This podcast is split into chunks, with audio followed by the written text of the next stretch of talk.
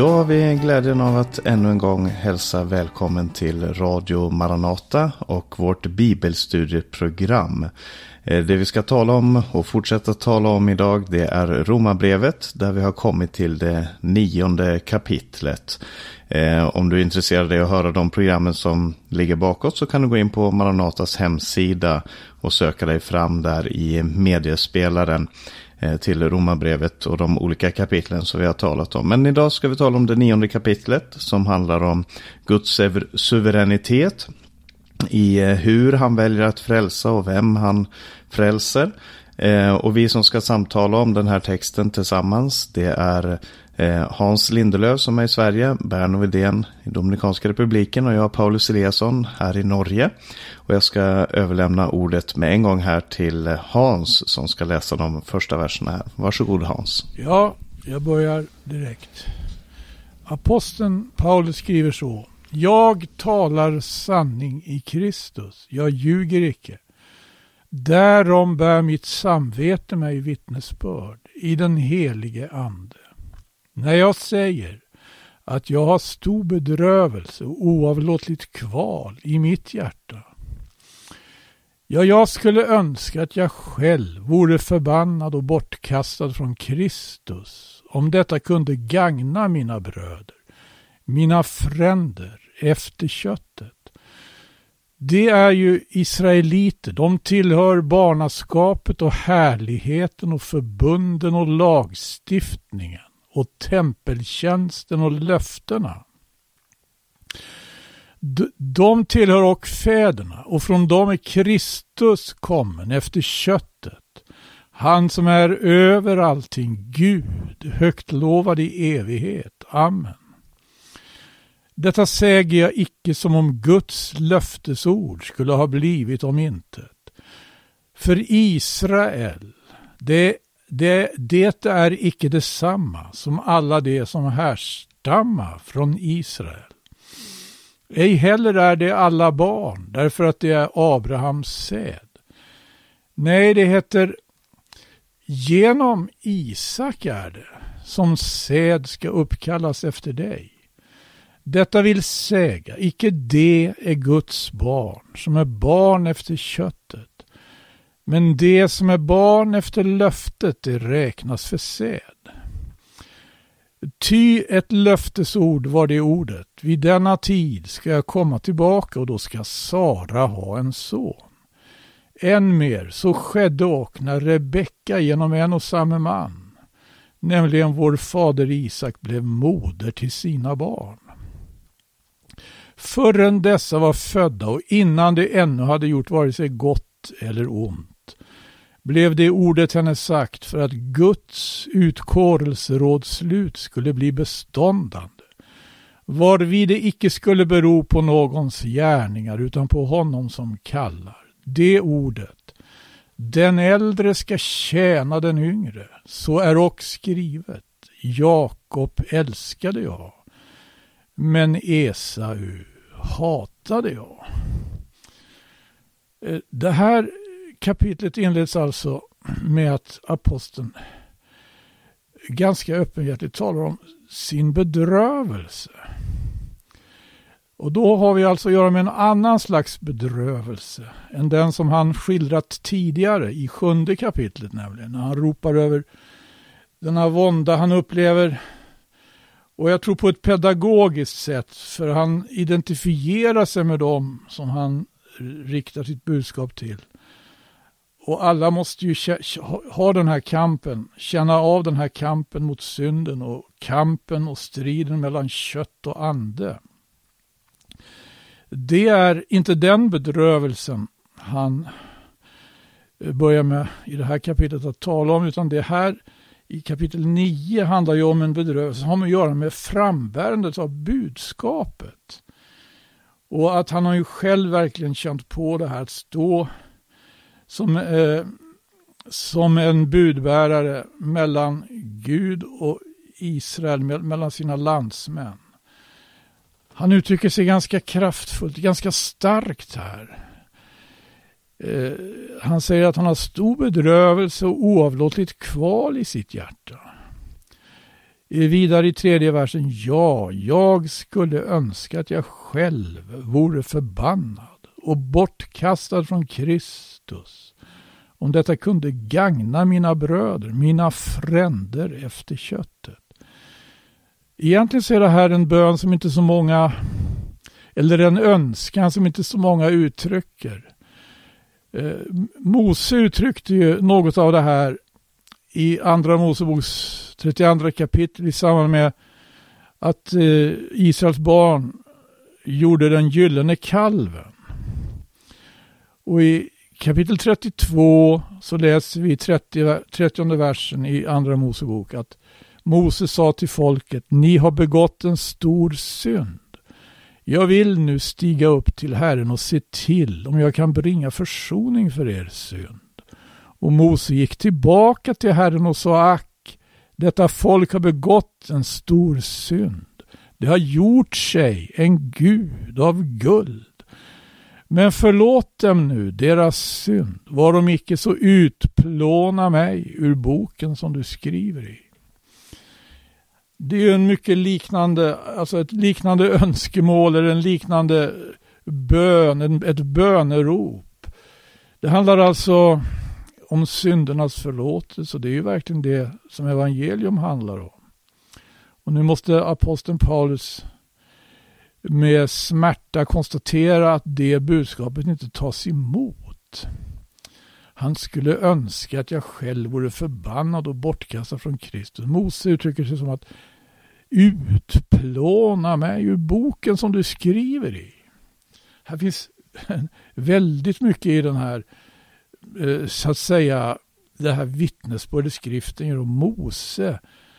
Att, Gud, att han uppfattar Gud som att Gud skriver i en bok. Han redogör aldrig för den synen direkt, men här kommer det indirekt fram. Och det är ju faktiskt så att nog delar aposteln Paulus något av Moses smärta här. Över att möta motståndet mot Guds ande. I fjärde versen skriver aposteln, det är ju israeliter. De tillhör barnaskapet och härligheten och förbunden och lagstiftningen. Och tempeltjänsten och löftena de tillhör och fäderna, fortsätter han i femte versen. Här räknar han ju upp saker alltså som verkligen utgör Eh, det, det, alltså det som Gud har givit, det som Gud har givit Israels folk. Det finns ett barnaskap, det finns en härlighet, det finns förbund. Det är inte bara ett förbund, men det är framförallt ett förbund lagens förbund som Gud ingick med folket på Sinai berg. Men innan dess ingick han ju förbund med fäderna. Lagstiftningen, tempeltjänsten och löftena. Lagstiftningen. Eh, den finns ju i de tio orden, men inte bara där. Det finns ju en tempeltjänst. Och om den stadgas ju en hel del också i både andra och tredje Mosebok. Men så kommer det här med löftena. Och så kommer han in på att dem tillhör och fäderna. Ja. Fäderna. Patriarkerna. Och från dem är Kristus kommen efter köttet. Han som är över allting, Gud, högt lovad i evighet. Amen. Här eh, har aposteln en oerhörd, ett oerhört grepp om och så att säga ser på ett oerhört, han ser det Guds råslut så, så oerhört enat, både i det han har givit Israel och det han har givit församlingen, den kristna församlingen som eh, kommer från alla folk eh, som får höra det glada budskapet. Eh, Kristus, ja, över allting Gud högt lovad i evighet. Men i själva verket så är ju den erfarenheten han gör att det går ju faktiskt en väldig, det, går, det, är ett gap i hans erfarenhet. mellan vers 4 och vers 5. Allt det som han själv som jude och som farisé vet så väl att Israel har fått. Han, han måste dock konstatera här att när det kommer till vers 5 det talas om både fäderna och Kristus och om löftena eh, innan, strax innan. Så går det, ett, det, det är ett gap. Därför de som har fått allt det här som han räknar upp, de har trots allt inte eh, förstått, eh, förmått ta emot eh, Jesus Kristus. Och aposteln Johannes har ju, har ju sitt sätt och, och, och eh, skriva om den saken när han skriver i Johannes evangeliets första kapitel att eh, han kom till sitt eget. Hans egna tog icke emot honom. Men, skriver han också, åt alla dem som tog emot honom gav han makt, rätt, fullmakt att kallas Guds barn. Ja, då har alltså aposteln kommit så långt. Och så fortsätter han med det här då att det skulle inte vara handla, det, att han säger inte det här som om Guds löftesord skulle ha blivit om intet. Han betonar ju löftet här nu, Guds löften som går till fullbordan i Kristus, som Israel kollektivt, generellt inte har accepterat. Och så förklarar han det med att han skriver eh, att Israel är icke detsamma som alla de som härstammar från Israel. Eh, jag tror att eh, folkbibeln uttrycker det här lite tydligare. va? Eh, med att alla som har liksom, jag kommer inte ihåg det exakt, jag har inte den framför mig men jag tror att det handlar ju naturligtvis om att det är det, det är inte det att vara född av naturen och vara en jude av naturen som är det avgörande. Utan det avgörande är just det här löftesordet. I sjunde versen, ej heller är det alla barn, därför att det är Abrahams säd. Nej, det heter genom Isak är det som säd ska uppkallas efter dig. Och då flyttar han alltså uppmärksamheten från hela folket, från de tolv stammarna som har fått så väldigt mycket. Som har fått så väldigt mycket av Gud och uppmärksammar att löftet gavs tidigare. Löftet gavs redan till Abraham. Och det är samma sak som han eh, också eh, skriver om i fjärde kapitlet i Romarbrevet. Där han skriver om hur Abraham fick både löftena och dessutom omskärelsens förbund och löftena gavs i det femtonde kapitlet, omskärelsens förbund i det sjuttonde kapitlet, men även i det sjuttonde kapitlet så är det ju just det här löftet och genom Isak är det som säl ska uppkallas efter dig. Detta vill säga, inte det är Guds barn som är barn efter köttet, det är andra gången i brevet som man kraftigt understryker det.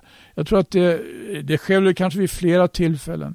Men jag tror att i andra kapitlets slut så, så har vi det här. Den är icke jude som är det efter köttet, omskuren efter köttet. Nej, omskärelse det är hjärtats omskärelse. Här heter det icke det Guds barn som är barn efter köttet, men det som är barn efter löftet det räknas för säd. Ty ett löftesord var det ordet. Vid denna tid ska jag komma tillbaka och då ska Sara ha en son. Och nu är vi framme i andra, i, i 18 kapitlet tror jag, i, i, i första Mosebok där eh, Gud uppenbarar sig för Abraham och Sara.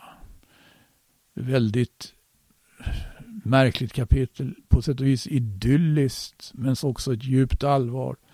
Där har också Abraham sin bönekamp med Gud, om man kan kalla det för det, angående Sodom och Gomorra. Där Lot bodde. Och han vill veta hur Gud ställde sig till att det skulle kanske vara eh, ett 50-tal rättfärdiga eller ett 40-tal och så räknar han ner till om det är 10 rättfärdiga då ja, då skulle Gud skona orten. Men det var inte tio rättfärdiga i Sodom. Han nämner om Abraham och Sara, han nämner också i tionde versen om Isak och Rebecka. Än mer så skedde också när Rebecka genom en och samma man, nämligen vår fader Isak blev moder till sina barn. Förrän dessa var födda och innan det ännu hade gjort, vare sig gott eller ont, blev det ordet henne sagt för att Guds utkårelseråds slut skulle bli beståndande, varvid det icke skulle bero på någons gärning utan på honom som kallar. Förrän dessa, alltså det är ju helt klart, och det läste vi också i kapitel 8, att det, det, det är Gud som kallar. Det är Gud som utväljer, det är Gud som kallar. Det är Gud som rättfärdiggör och det är Gud som förhärligar. Det här eh, läser vi ju i åttonde kapitlet. Det är samma sak här. Och jag, jag är frestad att titta in lite också i det kommande kapitlet, för där talar han om eh, vad som är frukten av att det här verkligen Eh, får rum då. Det är ju att eh, predikare blir sända. Han ställer ju frågorna där, hur skulle folk kunna höra om inte någon blev sänd? Här kommer alltså det Gud gör suveränt om hans budskap blir mottaget visar det sig att kunna eh, upprätta en enormt härlig samklang med människor som är hörsamma och lydiga och drar åstad på hans befallning. Förrän, men det är Gud som gör det avgörande. Det är Gud som kallar. Det är Gud som utväljer. Gud rättfärdiggör och Gud förhärligar. Det uttrycks också i den här versen. Framförallt att Gud utväljer då. Varvid icke skulle bero på någons gärningar utan på honom som kallar. Vad är det? Det ordet, den äldre ska tjäna den yngre. Stora saker, den äldre ska tjäna den yngre. Det, det här faktiskt är märkligt, det går ju igen i patriarkhistorien. Den äldre ska tjäna den yngre Det gäller ju både Esau, Jakob, Efraim och Manasse. Va? Och på ett sätt också Saul och David så småningom. Eh, det heter då också Jakob älskar jag men Esau hatar jag. Det här är ju oerhört. Det är profeten, citat direkt från profeten Malaki. Gamla testamentets sista profet.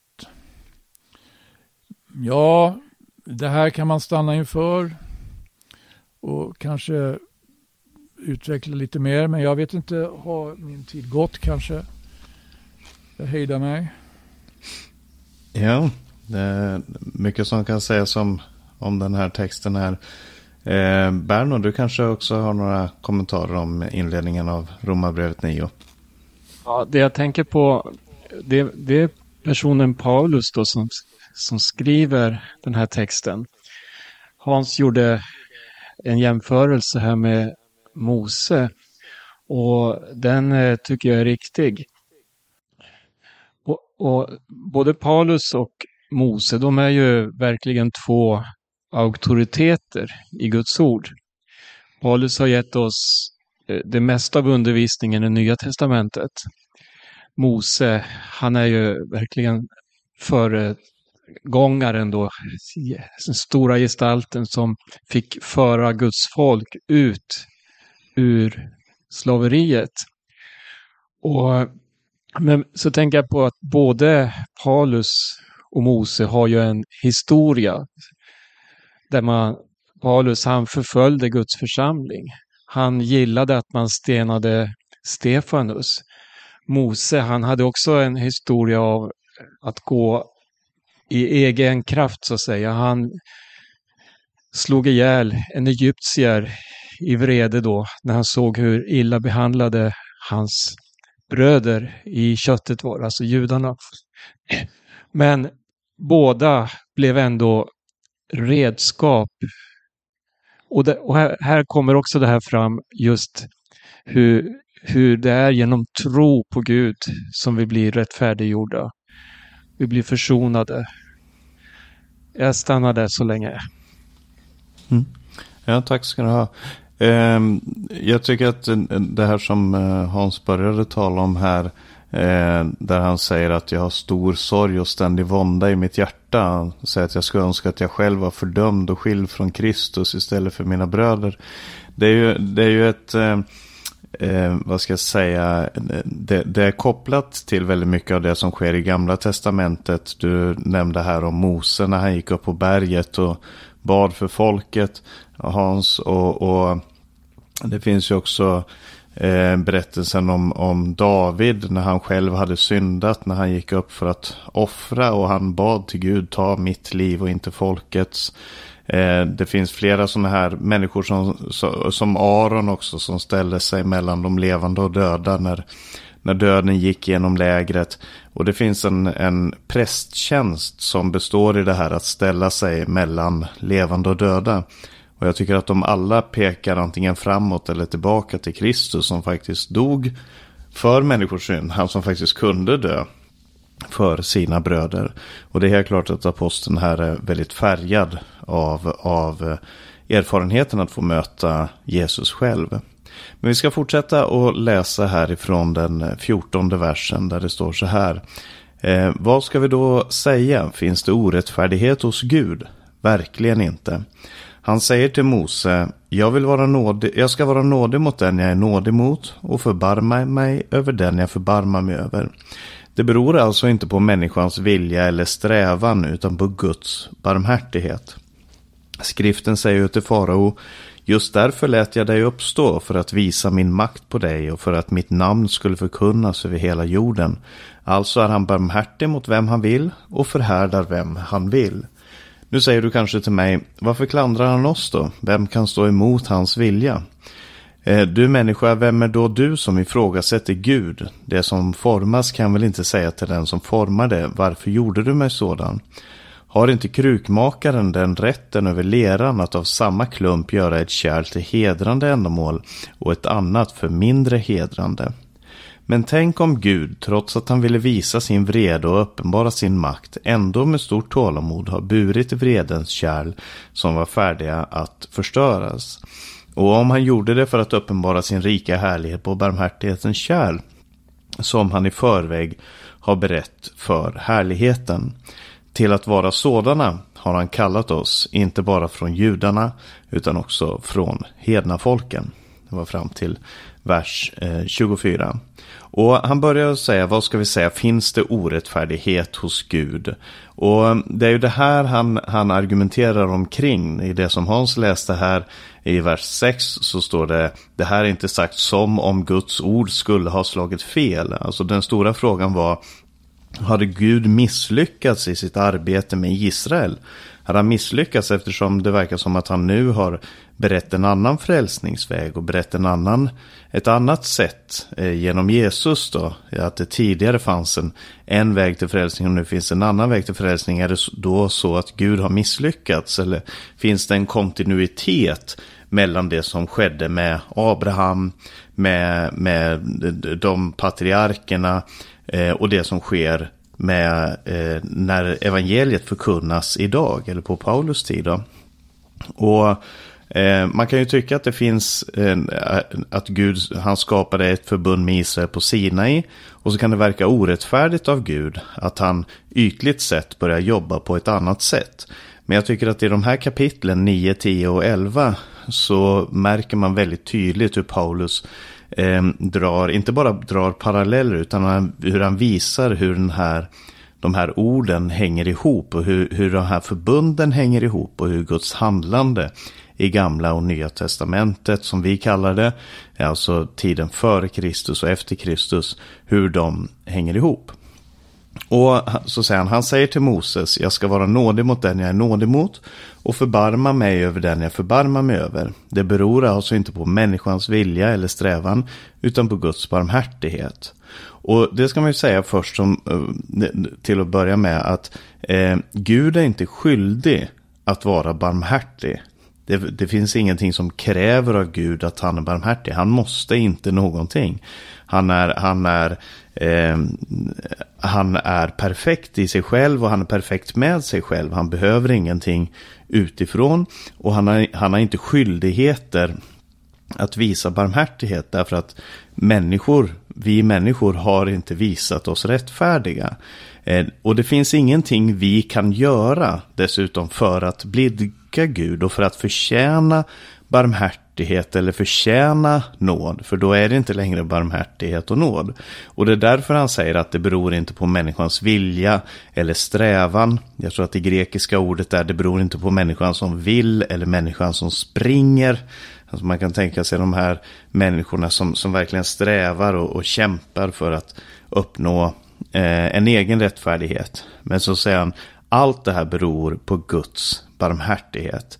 Vi tillför ingenting med vår egen rättfärdighet, utan den är som en fläckad klädnad, som profeten säger. Och så tar han ett annat exempel med farao, där Gud säger till farao, just därför lät jag dig uppstå, för att visa min makt på dig och för att mitt namn skulle förkunnas över hela jorden. Alltså är han barmhärtig mot vem han vill och förhärda vem han vill. Och då kan man ju tycka att okej, okay, så det är så att Gud eh, planterar människor, påverkar dem, han utför liksom en, en slags, ett slags skådespel där människor spelar olika roller. Eh, man kan få intrycket av det när man läser Romarbrevet 9, men, men man måste också se, när man ser på den historiska händelsen, att det var inte så att farao var en ovillig marionett i Guds stora plan, att han, eh, att han liksom eh, försökte eh, visa barmhärtighet och, och nåd och vara snäll och god, men att Gud liksom tvingade in honom i den här rollen.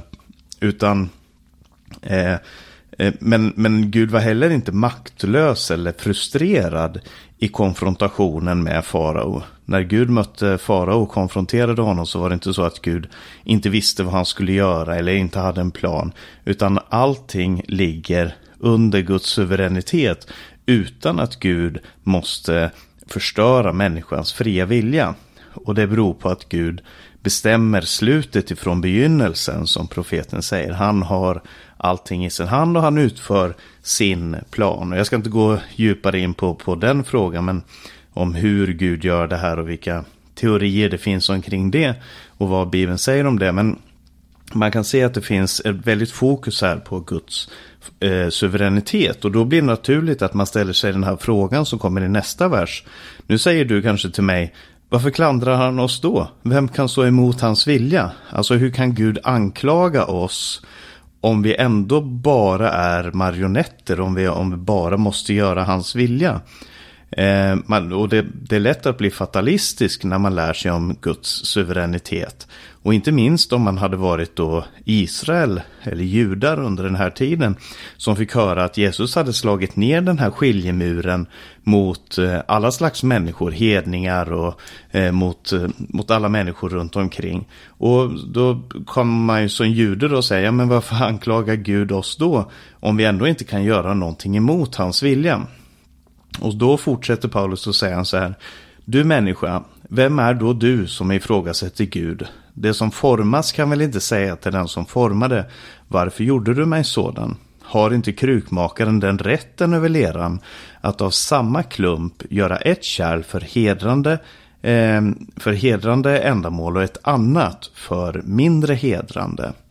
Och det här är en bild som han hämtade ifrån profeten Jeremia där Gud sa till Jeremia gå ner till krukmakarens hus så ska jag visa dig där. Och Gud visar hur han arbetade med Israel på den tiden som en krukmakare arbetade med ett ler, nämligen att när någonting har misslyckats, när någonting har inte har nått det mål som det skulle så kan han forma ett nytt kärl. Så sätter han sig ner och så arbetar han igen och skapar någonting nytt av samma lerklump. Eh, och Gud hade makt att ta upp det här kärlet och göra någonting nytt av det.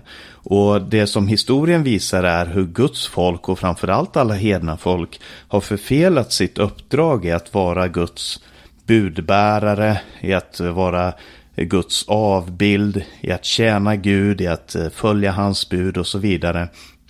Och det man ser är att kärlet misslyckas gång på gång på gång.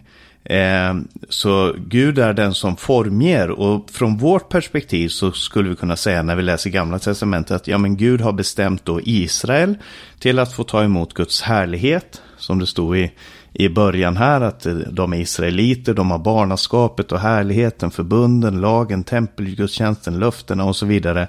Allt det här har Israel fått. Och så att andra folk då är bestämda till vrede. Några till härlighet, andra till vrede.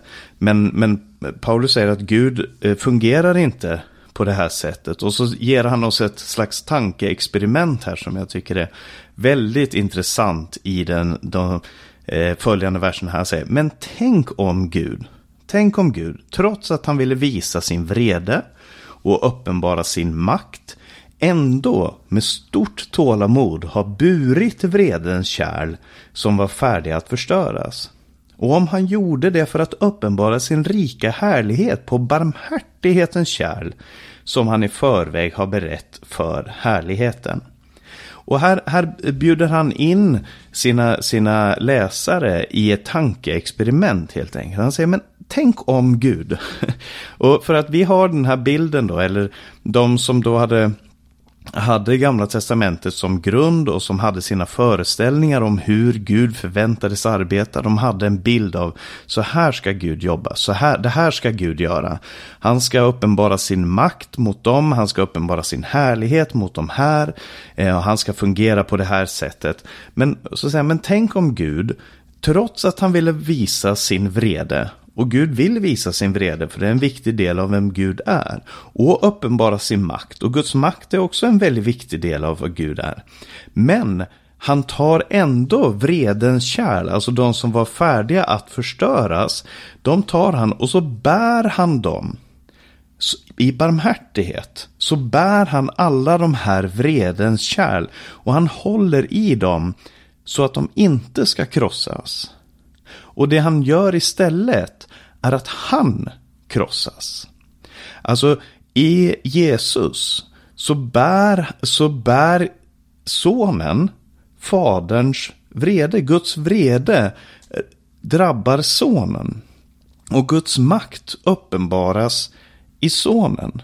Och allt det här kommer över sonen för att vi som var vredens kärl ska bli barmhärtighetens kärl. Alltså den, den plats där Guds vrede skulle uppenbaras blir istället en plats där Guds barmhärtighet uppenbaras. På det sättet att Jesus bär vreden och vi bär barmhärtigheten. Och i, i, inledningen här så sa jag aposteln Paulus att han, han hade stor sorg och ständig vånda. Och var fick han den här sorgen och våndan ifrån för sina landsmän? Jo, han fick den från Jesus själv. När han såg hur Jesus krossades för att vi skulle bli barmhärtighetens kärl. För både judar och hedningar stod under vreden. Men istället för att eh, det här skulle då drabba juden och hedningen så bär Jesus det själv. Och nöden som Jesus, Jesus hade för människornas frälsning, den visar sig på Golgata. Så det stora problemet det var det att alla människor förtjänade vreden. Men Gud är barmhärtig. Gud är tålmodig. Gud är full av kärlek. Så Jesus bar vreden och vi bärs av Jesus. Vi blir burna av Jesus. Och där, jag tycker det är så fantastiskt att läsa den här texten för att man ser verkligen hur vårt tankesätt behöver formas av Jesu eget tankesätt. Vi behöver börja ställa oss den här frågan, men tänk om Gud. Om Gud gör det här för att uppenbara sin rika härlighet, som han i förväg har berett för härlighet, för alla de som tror på honom så låter han oss få ta emot hans härlighet. Tänk att vi har en så fantastisk Gud. Det är vittnesbördet som vi nås av i den här texten. Amen. Jag ska strax överlämna här till Berno som ska få ta med oss in i den sista delen här. Men eh, Hans, du kanske har några tankar och kommentarer omkring det som jag har läst här också. Varsågod. Tänk att aposteln Paulus som är så redo att förklara allting och i det här brevet inte minst går igenom. Eh, faktiskt så inleds ju hela brevet med att han liksom är väldigt angelägen om att inte komma ovanifrån. Han, han uttrycker sig på det sättet att eh, han har på sitt hjärta att meddela er någon nådegåva. Jag menar, skriver han, för att jag i er krets må tillsammans med er finna hämta hungnad ur vår gemensamma tro, er och min. Så att det inte låter som att bara han har någonting att komma med och att han liksom skulle komma från ovan och mer eller mindre då pådyvla eh, romarna. Nej, det är tillsammans med romarna. Och så sätter han sig ner och skriver det här brevet och tar upp fråga efter fråga. Men så kommer det till då en fråga där förklaringen på något sätt uteblir och han bara hänvisar till Guds makt. Det avgörande här är alltså att Gud, Gud, det är Guds makt. Vem är du som vill träta med Gud? Jag, jag tycker det här är eh, skakande på ett sätt. Å, å andra sidan så är det väl inte så underligt när han är så angelägen om att förklara det ena, det andra, det tredje i Guds rådslut. Att det inte verkligen också skulle bero på den allsmäktige Gud. Det är det det gör. Och eh, Det får han verkligen fram här. Jag tycker det här är enormt. Det här kapitlet eh, det, det, det tar liksom på krafterna. Det, det, men det, jag tror att det är välsignat. Tack. Amen. Tack ska du ha. Då överlämnar jag ordet till dig, Berno, här och ger dina tankar och tar med oss in i sista delen. Varsågod. Jag kan bara konstatera att Gud är Gud. Och han är det på alla sätt. Det han har sagt i sitt ord. Han är rättfärdigheten. Han vredgas över ondskan och så vidare. Men så ser vi hur människan då, hon blir föremål för hans barmhärtighet. Och det är så stort när man läser om det här, hur det framkommer.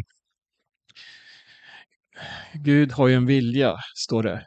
Han vill att alla människor ska komma till kunskap om sanningen och bli frälsta. Nu ska jag läsa från vers 25 i Romarbrevet 9 då. Så säger han genom Hosea, det som inte var mitt folk ska jag kalla mitt folk och den oälskade ska jag kalla min älskade. Och på platsen där det sades till dem, ni är inte mitt folk, ska det kallas den levande Gudens barn. Men Jesaja utropar om Israel. Även om Israels barn vore talrika som havets sand ska bara en rest bli frälst. Snabbt och slutgiltigt ska Herren hålla räkenskap på jorden. Jesaja har också förutsagt hade inte Herren Sebaot lämnat kvar några ättlingar åt oss, då hade vi blivit som Sodom, vi hade liknat Gomorra. Vad ska vi säga Jo, att hedningarna som inte strävade efter rättfärdighet vann rättfärdighet. Den rättfärdighet som kommer av tro. Israel däremot, som strävade efter en lag som ger rättfärdighet, har inte nått fram till den lagen. Varför? För att de inte sökte rättfärdigheten genom tro, utan genom gärningar. De snubblade på stötestenen, så som det står skrivet. Se, jag lägger i Sion en stötesten och en klippa till fall. Men den som tror på honom ska inte stå där med skam. Ja, det är mäktiga verser. Eh, I vers 25 så läser vi ett citat från Hosea. Det som inte var mitt folk ska jag kalla mitt folk och den oälskade ska jag kalla min älskade. Och i 26, ni är inte mitt folk. Eh, på den platsen där det sägs ska de kallas den levande Gudens barn. Eh, när man läser de här verserna så eh, visar ju aposteln på hur dels förkastandet som eh, de avfälliga judarna har gjort. Man har ju förkastat Gud, förkastat Guds ord. Det kan vi läsa gång på gång i Gamla Testamentet. Och dels mottagandet av troende hedningar. Det är förutsagt av Gud i Gamla Testamentet. Ehm, det står så här i Hosea 2.23. Jag ska plantera henne åt mig i landet. Jag ska förbarma mig över Lo Hurama och säga till Loami, du är mitt folk. Och de ska svara, du är min Gud. Och eh, även i första kapitlet, tionde vers i Hosea, så står det Men antalet av Israels barn ska bli som havets sand som inte kan mätas eller räknas. Och det ska ske att på platsen där det sades till dem, ni är inte mitt folk, ska det sägas till dem, ni är den levande Gudens barn. En tanke här eh, eh, är att då Paulus skriver om Israel så hade de som hörde till det norra riket, alltså det norra Israel, de tio stammarna, de hade avvikit från Juda och därmed även från Herren. Och då när man läser det här så kan man kanske applicera det på hedningarna, alltså på jordens alla folk, på alla människor, vi alla. Att det norra riket här i texten då representerar hedningarna. De som hade vänt Gud ryggen i praktiken. Men hos Hosea så utlovas en ny förening då man vänder åter till Herren. Petrus, han gör en liknande jämförelse utifrån Hosea i sitt första brev. Han skriver så här i andra kapitlet och jag läser från nionde versen för sammanhanget. Men ni är ett utvalt släkte, ett konungsligt prästerskap, ett heligt folk, ett Guds eget folk för att förkunna hans härliga gärningar. Han som har kallat er från mörkret till sitt underbara ljus. Ni som förr inte var ett folk är nu Guds folk. Ni som inte hade fått barmhärtighet har nu fått barmhärtighet. Alltså ett direkt citat också här då från Hosea. Eh, I vers 27 så eh, skriver Paulus då om Jesaja. Jesaja utropar om Israel.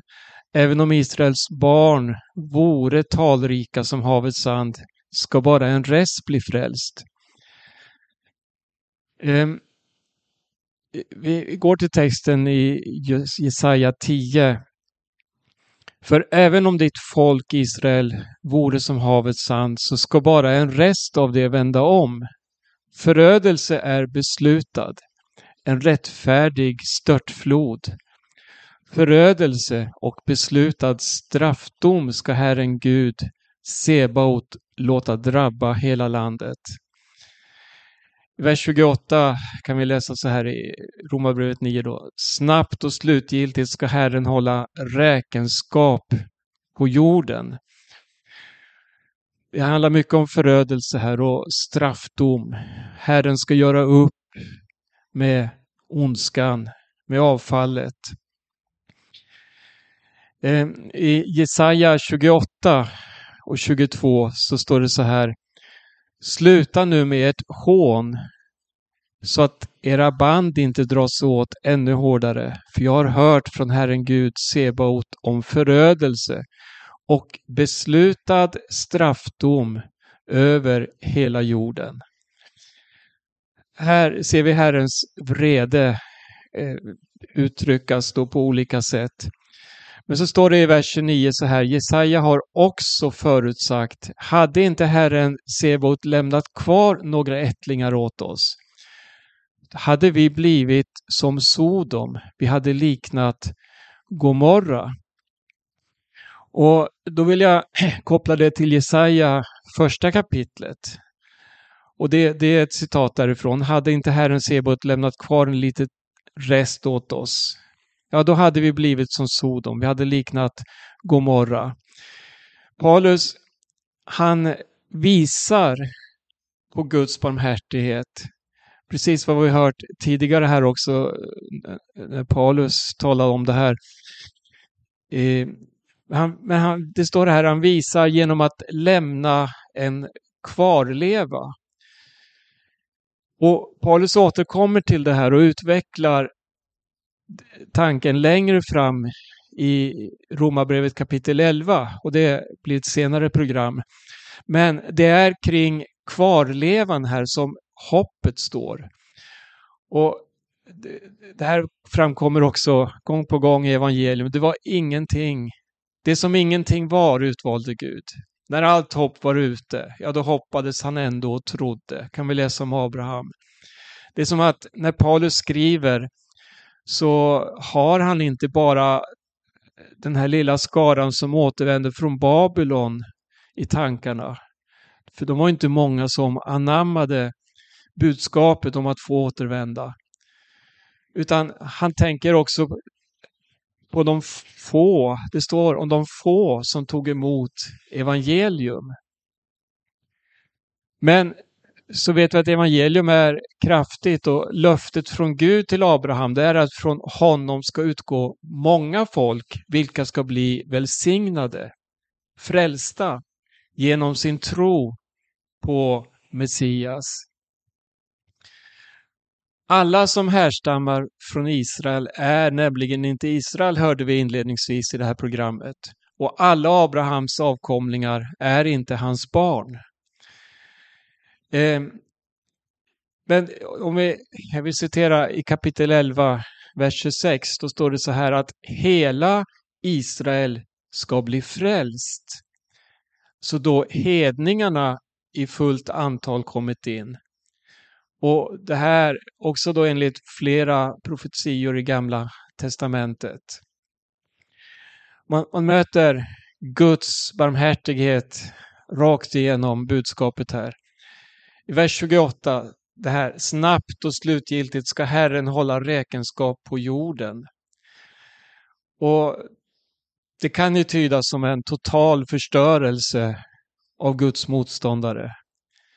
Men när man läser hela kapitel 28 i Jesaja så motsäger inte det här att eh, det, här, det finns dock en kvarleva, en framtid, ett hopp.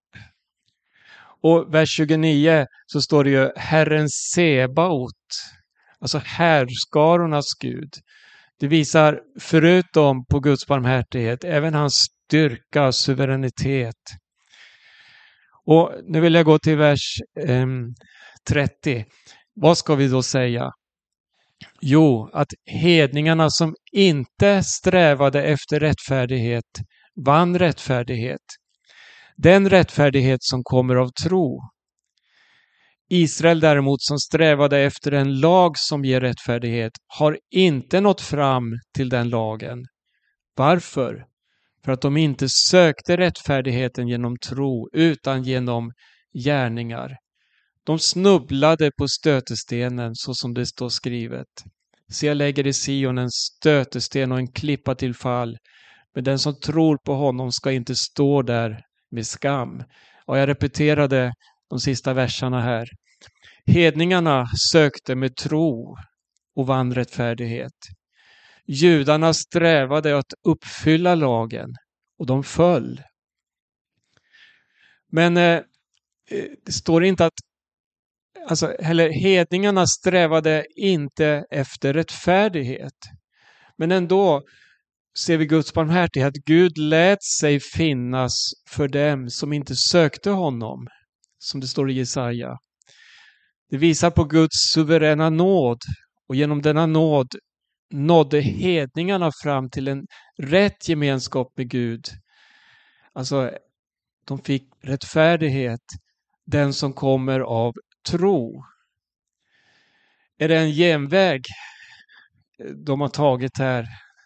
Det kanske man inte kan säga, men det är dock genom tro på Jesus. Det som judarna har försökt och försökt uppnå genom sina gärningar så kommer hedningen som inte ens söker Gud och så får han tro på Jesus och blir rättfärdiggjord. Det är stort. Eh, varför nådde inte judarna fram, kan man ju fråga sig. Och Paulus svarar i sista verserna här. De sökte inte genom tro, utan genom laggärningar. Eh, den sista versen i kapitlet, den beskriver något eh, skandalöst för en jude. Att Herren jämförs här då med en klippa som är till fall.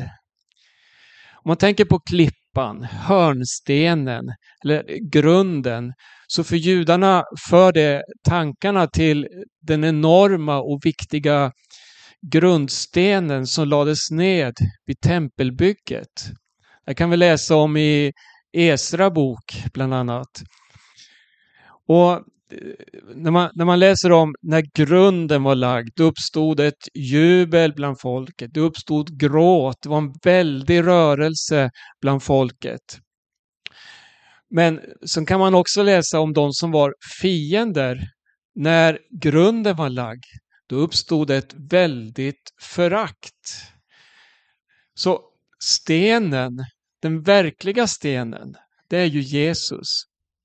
Han förkastades, han korsfästes utanför Jerusalem och blev därigenom en klippa till fall för många. Simeon som välsignade Jesusbarnet, han, han sa till hans mor Maria, se, han är satt till fall och upprättelse för många i Israel. Ja, det, det är tragiskt att frälsaren på det här sättet blivit orsak till mångas fall. Men det är ju så i mötet med evangelium, ja då får man antingen ta emot eller förkasta. Och då blir, det åstadkommer alltid ett resultat då man närmar sig evangelium. Då man får höra budskapet, ja då hamnar man i ett val. Och det står, den som tror ska inte komma på skam. Amen. Amen. Amen. Tack ska du ha Berno.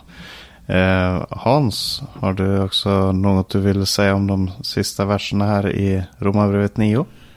Som sagt, så det här resonemanget för han ju vidare i de kommande kapitlen. Just det här, jag har uträckt mina händer hela dagen till ett gensträvigt och ohörsamt folk. Alltså när judarna blir som hedningar. Då är det liksom säga helt naturligt egentligen att Gud bara vänder sig till hedningarna. Han kan lika gärna vända sig till hedningarna. Och det är ju det han gör genom evangelium. Mm. Amen.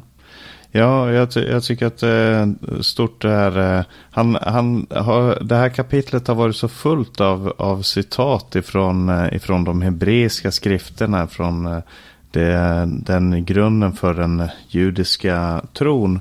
Eh, det som judarna hoppades på. Det, det visar verkligen att det finns en kontinuitet och det finns ett sammanhang mellan det Gud gjorde innan och det han gör i Jesus Kristus. Och eh, vi som församling, vi är inte separerade från Israel. Vi är inte, vi är inte någon slags eh, ersättare för Israel.